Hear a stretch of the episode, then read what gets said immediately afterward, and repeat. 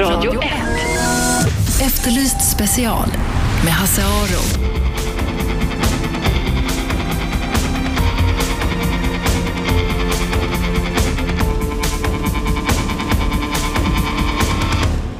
Jag välkomnar tillbaka hit till Efterlyst special som åter är i eten efter ett visst uppehåll. Och nu ska vi sända varje dag mellan 12 och 1. Vi ska ta upp aktuella brottsfall eh, och höra vad ni tycker om olika saker.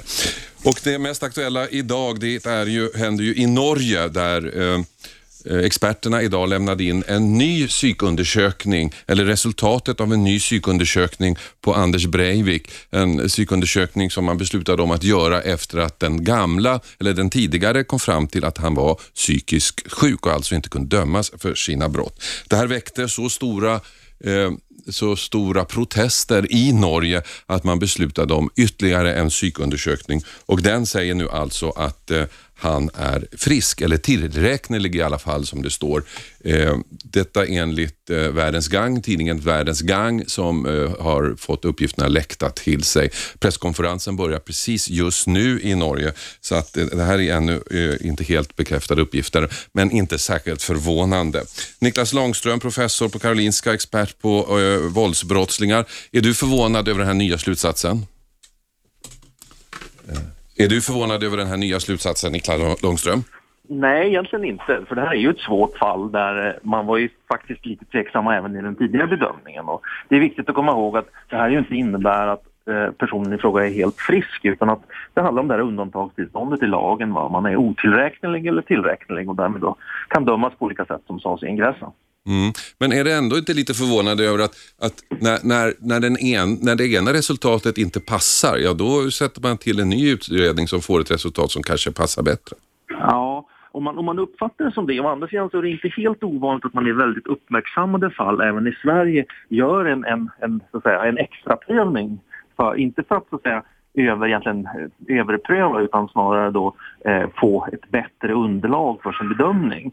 Eh, och eh, att det skulle hamna på andra sidan den här gränsen då, tillräknelighetsgränsen den här gången, det vill säga att eh, han bedöms vara tillräknelig. Det är inte så knepigt i, egentligen i, i den här typen av svåra fall därför att det handlar ju om grader hela tiden. Det är ju inte så att det, man är 100% frisk eller 100% sjuk. Så, så exakt det är inte vår psykiatriska diagnostik att man kan säga att någon är 100% frisk eller 100% sjuk utan det är grader, grå nyanser kan man säga.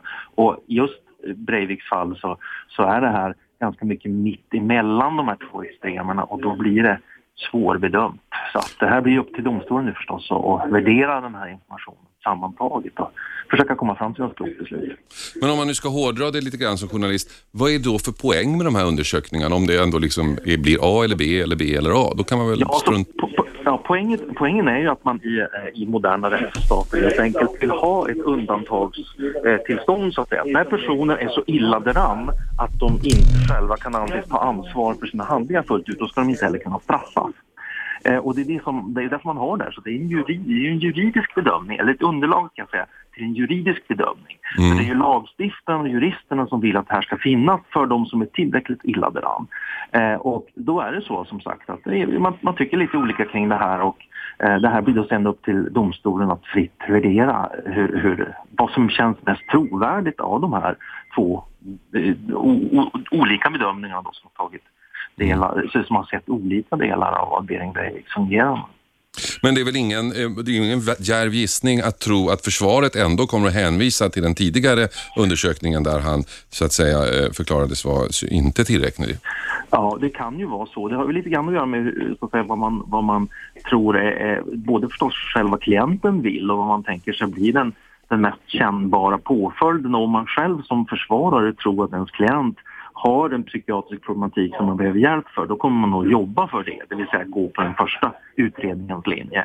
Men om man känner att det kanske inte spelar så stor roll och kanske ens egen klient säger, själv då hävdar, vilket jag har förstått att, att Bering Breivik själv gör, nämligen att han inte skulle vara psykiskt sjuk i lagens bemärkelse, då, eh, då går man ju mer på den linjen. Så att det, jag, jag vet inte riktigt hur man kommer att göra. Och i båda fallen, det tror jag vi kan utgå ifrån, så kommer man nog se till att Bering Breivik Eh, eh, hålls åtskild från människor eh, under många, många år framöver oavsett om man kommer att dömas till rättspsykiatrisk vård eller om man döms till den norska lagens strängaste straff som är 21 års fängelse. Ja, det är väl lite grann här som är själva kärnpunkten vad jag förstår det hela. För att han är skyldig, det är ju ingen som, som ifrågasätter, inte ens Nej, han det själv. är ju det minsta problemet i den här utredningen. Ja. Utan det, det är snarare problemen om 21 år man pratar om. Huruvida ska han någonsin släppas ut eller inte? Och det är väl där någonstans som är Ja, pudelns och, där, kärna. och, där, och där finns det ju en oro bland många människor att han så att säga ska komma ut för tidigt. Och då har det ju funnits en föreställning i många år att, att eh, personer med psykisk störning kommer ut för tidigt i förhållande till om man då sitter till exempel på ett livstidsstraff Mm. eller på ett långt fängelsestraff. Och vad jag förstår, utan att kunna den norska lagstiftningen i detalj så att säga, så kan man alltså eh, döma till något som heter, eller man kan pröva om, om, om, kriterierna är uppfyllda för något som kallas för förvaring efter 21 år. Det vill säga om en person har en kvarstående hög risk att begå allvarliga brott och vara en fara för samhället, då kan man alltså i femårsperioder ompröva när strafftiden har löpt ut i 21 års, ålder- eh, efter 21 år om personen då ska hålla, hållas fortsatt inlåst av samhällsskyddsskäl. Att på det sättet så skulle man alltså kunna förlänga den här perioden som samhället har kontroll eh, över eh, Bering Breivik eh, eh, framtida liv bortanför den eh, lagens fängelsestraff i, i nuläget. Mm. Och motsvarande påstås då kunna gälla eh, vad jag har förstått utifrån vissa domar, vissa prejudicerande domar, att om man döms till rättspsykiatrisk vård och eh, bedöms vara frisk och inte längre har ett vårdbehov så kan man ändå överföras till fängelse för att då fortsätta att göra eh, påföljd eller verkställa sitt straff där eh, under, så lång, under, under många år framöver. Så att, säga. Så att, att båda påföljderna kommer att medföra att Bering Breivik kommer att sitta inlåst under många, många år framöver. Det kan man nog utgå ifrån. Det här brottet som han har gjort sig skyldig till, det saknar ju motstycke i hela Skandinavien kan man säga. Skulle man, kan en människa begå ett sånt här brott och vara frisk? Ja, alltså eh, frisk i en psykiatrisk bemärkelse, eh, det, det är han ju förstås eh, inte. Man, man är inte helt frisk om man gör sådana handlingar. Men sen är ju här att kraven för att man ska vara psykiskt störd i lagens bemärkelse, de är väldigt hårda. Och det är det som striden råder om just nu kan man säga. I den här nya undersökningen som kom idag och den gamla som har funnits föreliggande i några månader. Eh, Så att det handlar egentligen inte om, det är egentligen ingen som har sagt att det här är en frisk kille, en helt vanlig man som går omkring på gatorna eh, utan problem. Utan det är bara det att man har prövat om underlaget för den här undantagstillståndet kan man säga, otillräknelighetsbegreppet är uppfyllda. Och det är där då som man har hamnat på varsin sida om det här strecket mellan ja och nej i den frågan. Mm. Vad tror du själv? Jag vet faktiskt inte hur man kommer att göra. Så vi kommer att få se det under den här långa och troligtvis i många stycken väldigt känslomässiga och plågsamma rättegången hur rätten väljer att värdera det här. Jag tror att det som du berörde tidigare, att vad klienten själv vill eh, kommer att vad Bering Breivik själv hävdar, det vill säga att han inte skulle vara psykiskt störd, kanske ändå blir den linje som man framförallt driver från försvararnas sida. Och då skulle man ju kunna tänka sig att det blir en, en att, man, att man utgår för att han skulle vara tillräcklig, liksom det då föreslås då här i den senaste rättegången. Om man bara sist kort, du ska med tåg, men eh, han, ha, hans motiv för att utföra det här var ju för att få ut det han kallar för sitt budskap och att han då räknas som psykisk frisk blir ju någonstans ändå en seger för honom. Ja, det kan man ju säga, så att säga om, man, om man tycker att man, man räknar vem som vinner och förlorar i ett sånt här fall. Och, och det otäcka är ju precis som du säger att han har ju i den bemärkelsen fått möjlighet i någon mån att spela upp det här och tala inför rätten och inför samhället och inför världssamfundet kan man väl säga samlade uppmärksamhet eh, och som han ju också pratade om i sitt manifest tidigare, Mm. hans långa skrift på många, många hundra sidor. Eh, så att, eh, ja, man kan säga i någon mån att han har lyckats med det. Samtidigt så verkar det som att rätten och rättens ordförande försöker begränsa hans möjligheter att få tala fritt så att säga, inför tv-kamerorna. Eh, vissa har kritiserat det, men man kan också tycka någonstans att det kanske är rimligt eftersom det har varit en sån tydlig ambition med hans, eh, med hans våldsdåd att just nå fram med sitt budskap. Okej, tack så mycket Niklas Långström. Du ska som sagt med ett tåg. Tack för att vi fick ringa upp dig om det här. Och Det var alltså med anledning av att eh, den nya psykiatriska undersökningen av eh, Breivik i Norge eh, Eh, den som då kom till efter att en, den annan då hade kommit fram till att han är eh, sjuk. så, så blev det sådana protester i Norge att en ny undersökning av Anders Behring Breivik eh, tillsattes av psykologer och nu psykiatriker och psykologer och nu har man alltså lämnat in eh, sin rapport, sin slutsats. Det gjorde man eh, tidigare idag och just nu pågår en eh, presskonferens i Oslo där man då berättar om den här eh, nya undersökningen.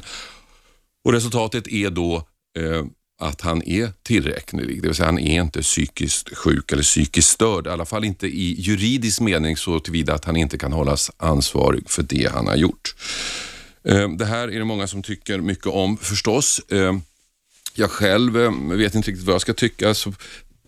För mig personligen så, så är hela det här dådet som Anders Behring Breivik har gjort ställer det moderna rättssystemet på sin spets. Därför att Hans motiv för att döda alla dessa människor som han gjorde var just att få en plattform att prata ifrån. Att väcka uppmärksamhet. Morden i sig var inte det eh, han var ute efter. Målet var att bli känd och att få kunna sprida sitt budskap.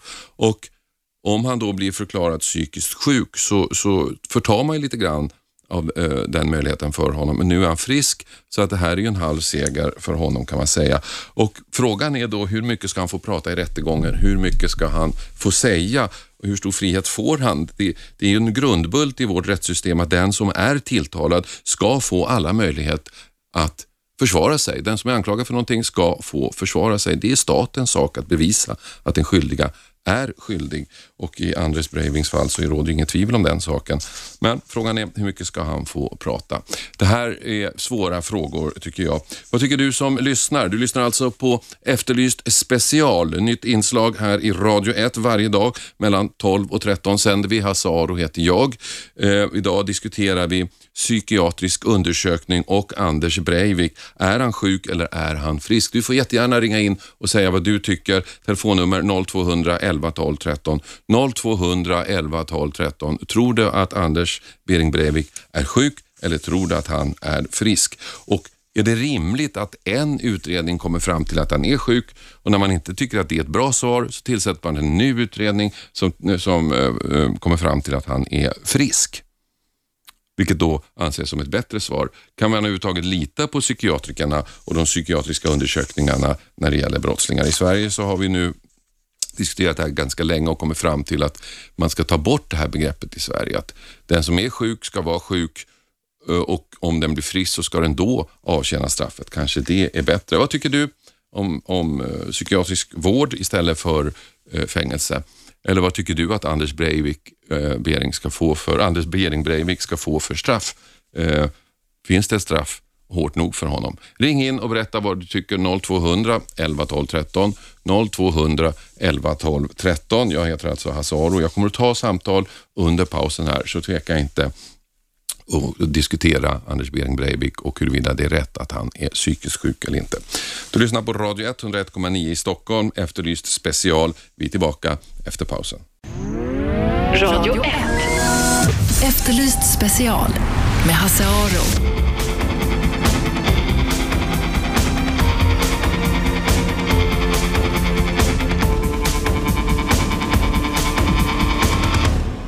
Välkomna tillbaka. Efterlyst special. Hassaro heter jag. Mellan 12 och 13 sänder vi varje vardag här på Radio 101,9 i Stockholm. Eller om du lyssnar någonstans ute i landet så kan du höra på nätet eller ladda ner en app till din smarta telefon. Vi pratar om Anders Breivik, Anders Bering Breivik som eh, eh, idag har fått ett nytt utslag när det gäller sin psykiska hälsa i Norge. Vill du vara med? Har du synpunkter på Eh, eller frågor om så ring på 0200 11 12 13. Anders Bering Breivik, det var ju den 22 juli 2011 som han utförde sina attentat. Dels en bilbomb i centrala Oslo riktat mot regeringskansliet, dels eh, massakern ute på Utöja. Eh, sommarlägret där arbetar, eh, Arbetarpartiets ungdomsförbund hade då ett eh, sommarläger för ungdomar. Eh, totalt 60 nio personer mördades ute på Utöja, åtta dog av bomben inne i Oslo. Eh, Anders, Breivik, Anders Behring Breivik gjorde detta för att eh, få en plattform för att bli känd, för att sprida sitt budskap om att vi befinner oss i krig med islam och han är bara en soldat i detta krig. Det här väckte ju enorm uppmärksamhet i Norge, förstås i hela världen. Själv var jag i Paris när jag eh, fick reda på det här och jag såg inte så mycket av Paris eh, den kvällen utan satt och tittade på TV hela tiden. Det gjordes en psykiatrisk undersökning av honom, en psykiatrisk undersökning som kom fram till att han var faktiskt sjuk och därför inte kunde dömas för detta utan skulle vårdas. Det här väckte en, ramaskri i Norge och det tillsattes en ny utredning, en utredning som alltså presenterades idag klockan 12 i Oslo. Och Det här är den eh, största psykiatriska, rättspsykiatriska undersökningen i Norges historia. Det säger Terje Törrisen som är den på i Norge som har lett den här undersökningen. Och Den kommer då fram till att han inte är psykiskt sjuk utan han är frisk och därmed kan ställas till svars och dömas för det han har gjort. Frågan är då, eh, kan man lita på sådana här psykiska undersökningar om det liksom är fram och tillbaka? Eh, om man får ett svar så gillar man inte det så sätter man en ny så får man ett svar. Och när slutar man? Hur, hur många svar kan man få? Ja eller nej, bara två svar men är det sist, sista budet ut så att säga som gäller? Och hur gör försvaret nu när, när, när så att säga deras huvudförsvarstes dras under fötterna på den? På dem. Anders Behring Breivik själv eh, har ju hävdat att han är frisk och det är ju någon slags förutsättning för det dåd han har gjort. Eh, förstås. Vad tycker du? Ring oss 0200 11 12 13. Är det bra med rättspsykiatriska undersökningar? Fyller de någon funktion eller är det bara ett sätt för, för eh, domstolarna att eh, undanhålla sig sitt eget ansvar?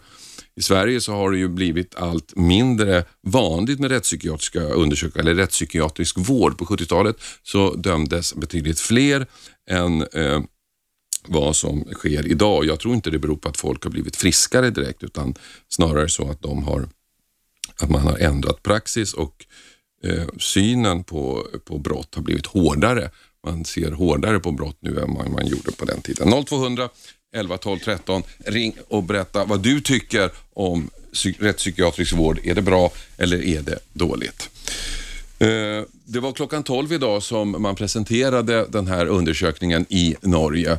Det var stor uppmärksamhet eh, naturligtvis. Det var presskonferenser, det var allt möjligt och där man kom alltså fram till att han, eh, Anders Behring Breivik, alltså var frisk vid attentatet.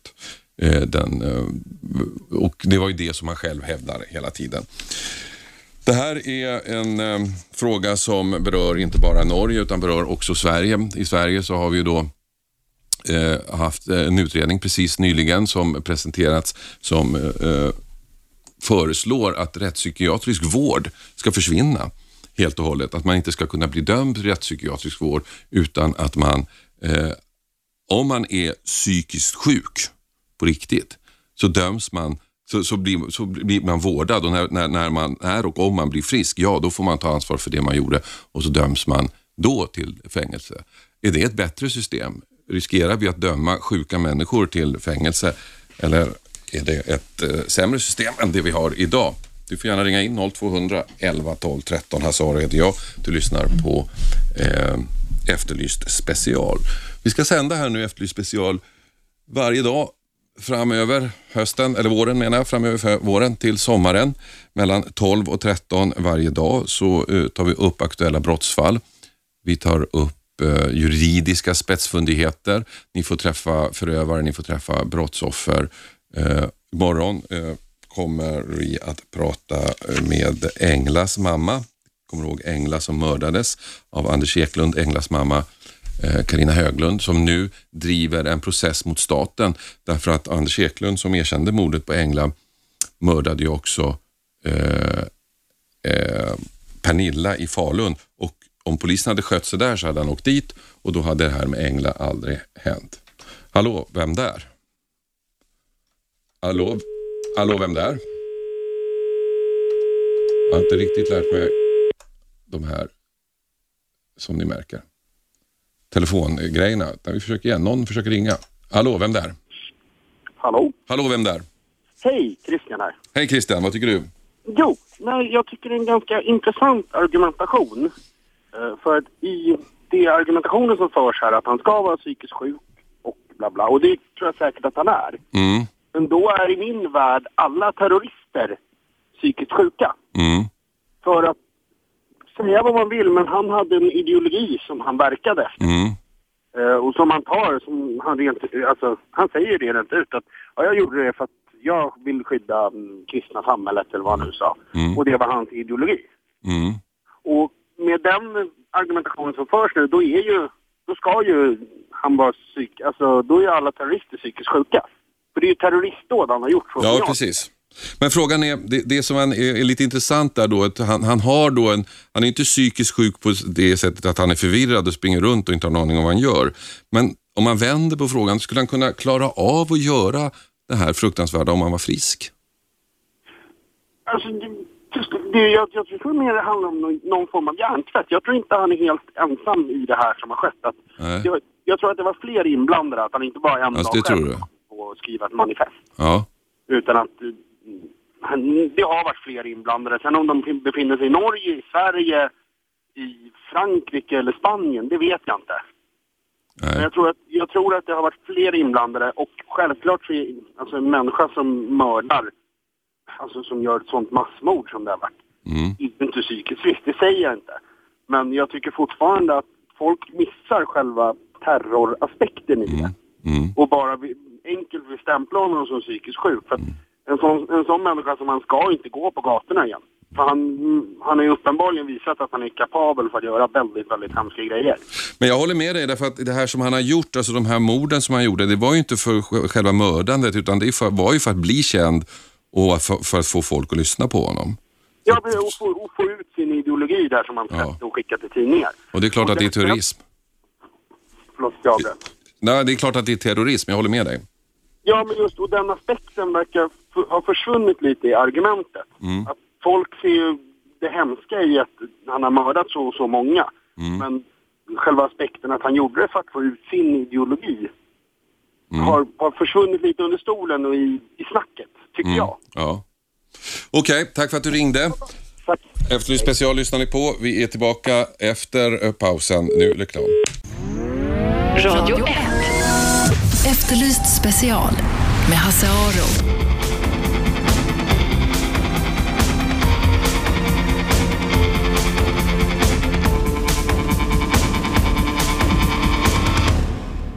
Välkomna tillbaka Efterlyst special som numera sänds varje dag här på Radio 1 mellan 12 och 13. Idag pratar vi om Anders Bering Breivik med anledning av att den nya psykiatriska undersökningen av honom eh, publicerades idag. Klockan 12 hölls en presskonferens, började en presskonferens i eh, eh, Oslo där man, diskuterar, där man presenterar den här utredningen och föga överraskande, i alla fall för mig, så har man nu kommit fram till att han är frisk. Den förra psykiatriska undersökningen kom ju fram till att han var psykotisk och alltså inte tillräknelig och den väckte ett enormt ramaskri i Norge, fullt förståeligt.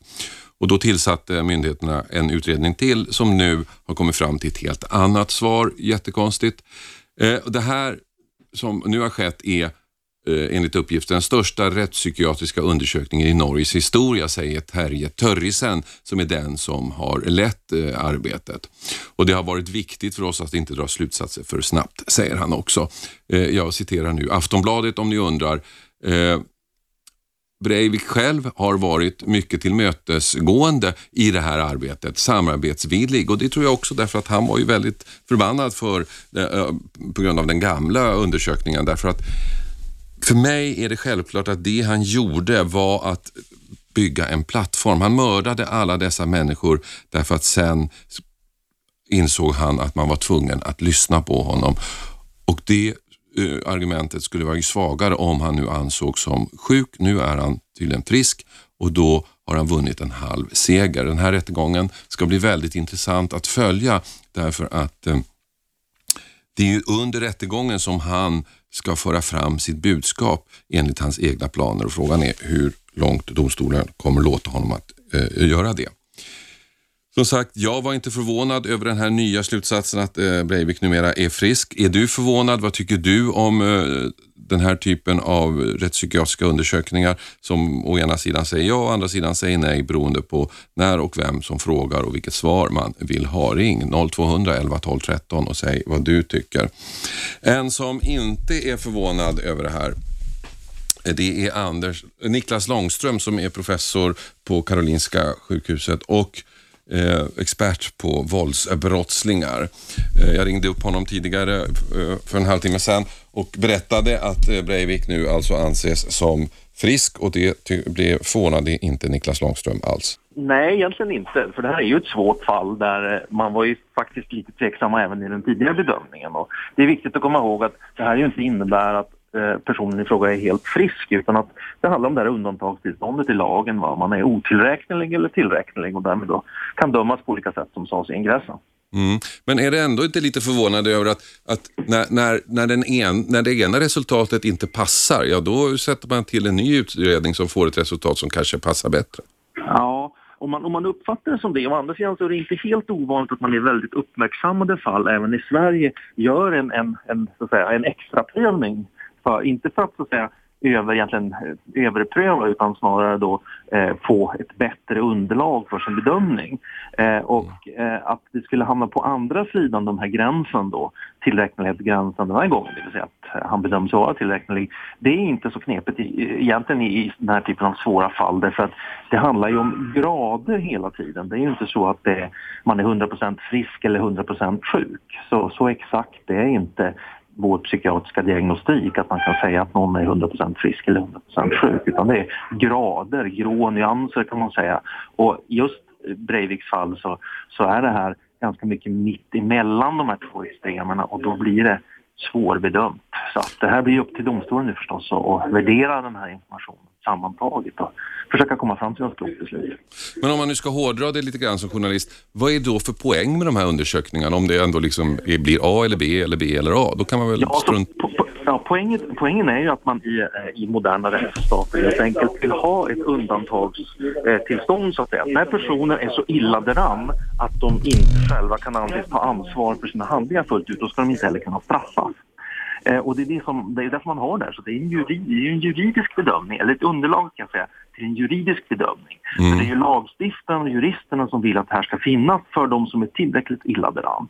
Eh, och då är det så som sagt att det är, man, man tycker lite olika kring det här och eh, det här blir då sen upp till domstolen att fritt värdera hur, hur, vad som känns mest trovärdigt av de här två eh, o, o, olika bedömningarna då som har tagit delar, så som har sett olika delar av vad Bering Breivik fungerar. Men det är väl ingen, eh, det är ingen djärv gissning att tro att försvaret ändå kommer att hänvisa till den tidigare undersökningen där han så att säga eh, förklarades vara inte tillräcklig.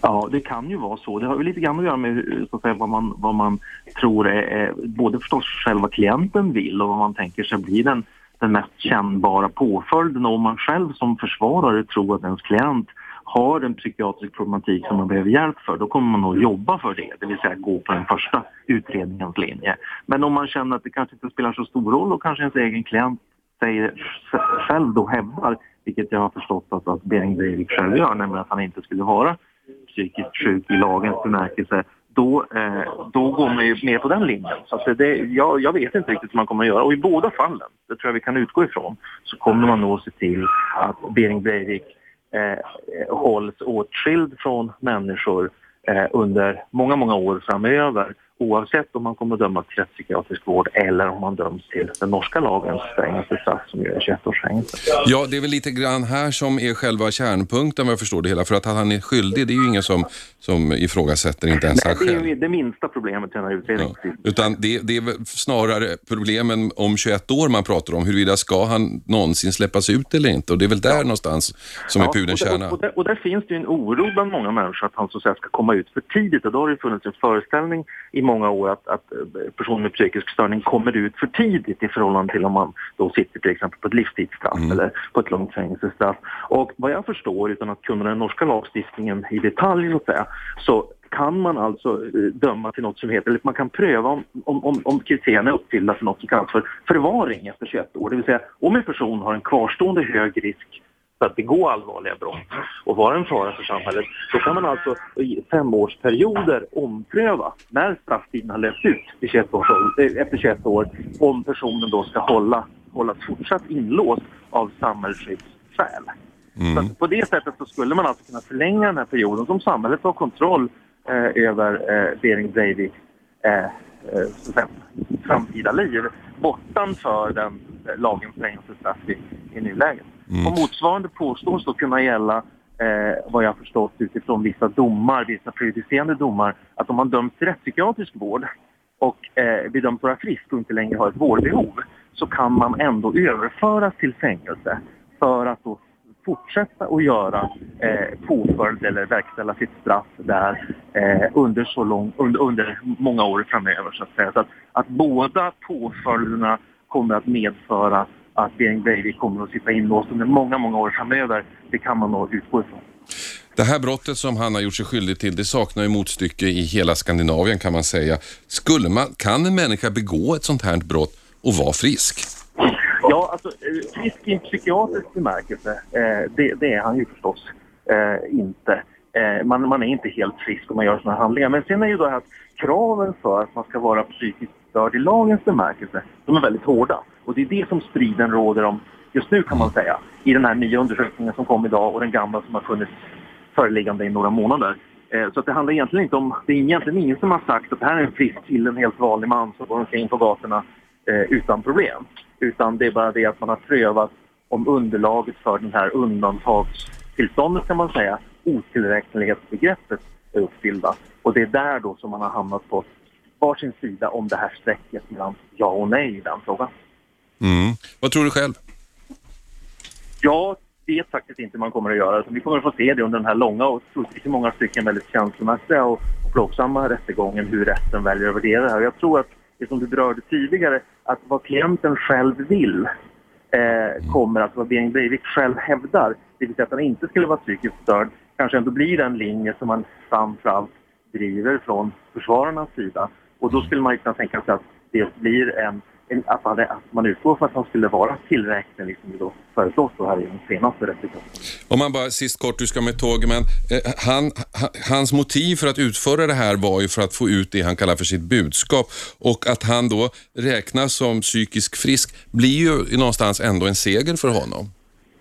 Ja, det kan man ju säga, så att säga om man tycker att man, man räknar vem som vinner och förlorar i ett sånt här fall. Och, och det otäcka är ju precis som du säger att han har ju i den bemärkelsen fått möjlighet i någon mån att spela upp det här och tala inför rätten och inför samhället och inför världssamfundet kan man väl säga samlade uppmärksamhet eh, och som han ju också pratade om i sitt manifest tidigare, mm. hans långa skrift på många, många hundra sidor. Eh, så att, eh, ja, man kan säga i någon mån att han har lyckats med det. Samtidigt så verkar det som att rätten och rättens ordförande försöker begränsa hans möjligheter att få tala fritt, att säga, inför tv-kamerorna. Vissa har kritiserat det, men man kan också tycka någonstans att det kanske är rimligt eftersom det har varit en sån tydlig ambition med hans, eh, med hans våldsdåd att just nå fram med sitt budskap. Niklas Långström, professor Karolinska institutet, expert på våldsbrottslingar, sa det. Och på slutet här så pratade vi alltså om, det här var bandat från tidigare programmet, på slutet pratade vi alltså om Breiviks motiv och eh, där, han, där jag och Niklas också sa att motivet var egentligen att skapa sig en plattform att prata utifrån, att morden i sig var inte det eh, Eh, huvudsakliga. Tina har ringt in och hade synpunkter på det, vad hon tyckte om vad vår slutsats, det ska ni få höra efter pausen. Och om du har några synpunkter på Anders Bering Breivik om på psykundersökningar som å ena sidan säger att folk är sjuka och sen när det inte passar så säger de att folk är friska. Man får det svar man vill ha helt enkelt. Kan man lita på psykiatriska undersökningar? Ring oss 0200 11 12 13 0200 11 12 13. Vi är tillbaka efter pausen. Radio 1. Efterlyst special med Hasse Aro.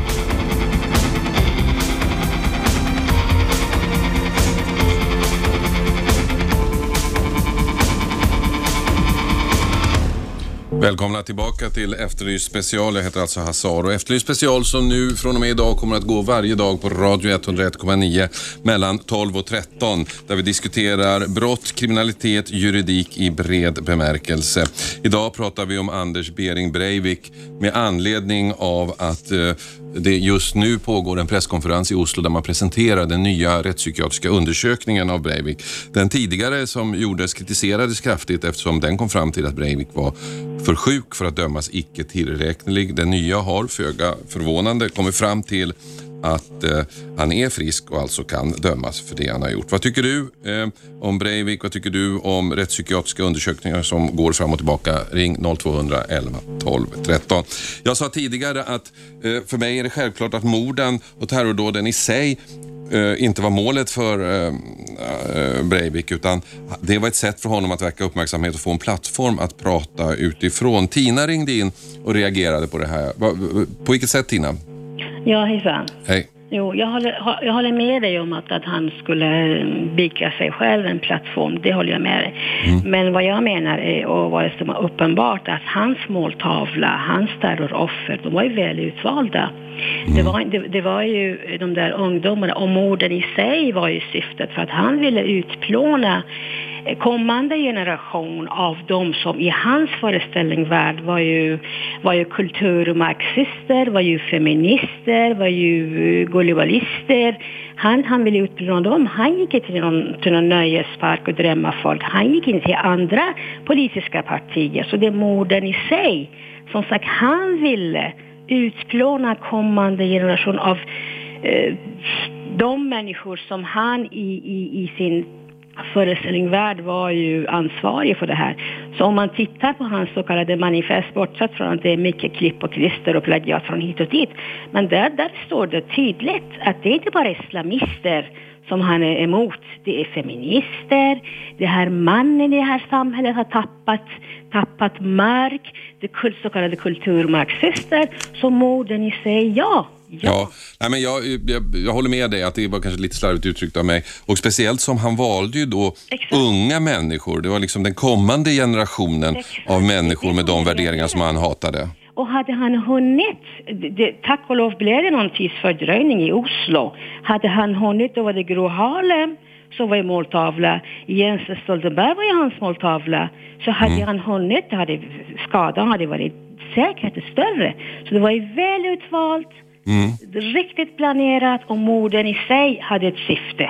Hade han som sagt, hade han gått, jag vet inte, till ett köpcentrum eller någonting, eller då kunde han till och med då kunde han lämna efter sig någon, jag vet inte, manifest. Men det var ju både, som du säger, jag håller med dig, plattform, men väl utvald. Men tack och lov sa de här, härom, häromdagen, det var det, eh, P, mm, AUF eh, ordförande, att det, nu har ju fördubblats antalet folk som, ja, ansluter sig. Så det, tack och lov, det har motsatt effekt. Ja. Det vill jag säga. Eh, Men sen så har han ju också, det här har man ju diskuterat i, i Norge, det pratar vi om med Niklas Långström också, att han, eh, han vill ju ha fri tillgång till att yttra sig i rätten och det där blir ju ett, det där blir ju ett dilemma därför att Mm. Ja. det, rättssystemet bygger ju på att man ska få göra det men Exakt. kanske inte i hans fall. Jag vet inte, vad tycker du? Eh, det där måste man verkligen... Men jag tycker ändå, jag, tycker, jag, jag vet att det är jättesvårt för de anhöriga, jag, för oss alla. Men ändå tycker jag att han, ska, han kan, för, för efterlevare, för framtiden, det ska stå. För att han, han kommer att falla på sitt eget grepp. Mm. Men tror du inte att han i vissa kretsar kommer att bli hjälte? Jo, det är han redan. Och det, vem var den där fjorden som var... Och jag, jag, håller med att det kanske är många andra som tutat i honom, men han har ju ansvar. Han kommer att bli hjälte, men, men, det, men låt oss vara transparenta. Det här är demokrati, låt oss vara transparenta. Mm. Låt oss säga som det är och sen till slut, folk har ju omdöme. Vi har ju, vi har ju historia bakom oss och sen vi har ju efterlevande som ska titta på det här fallet. Jag tycker att det ska vara transparent. Även om det är svårt jag, jag, och jag lider med anhöriga. Men låt oss vara transparenta. Men jag, men jag förstår att Norge är inför ett jättedilemma. Du verkar vara väldigt engagerad i den här saken. Var- Varför det? Va? Nej, men varför det? det jag, är en, jag är en produkt av mitt samhälle. Jag är mm, i min samtid och det, här, det här finns runt omkring oss. Och det, det, det är vår samtid. Ja.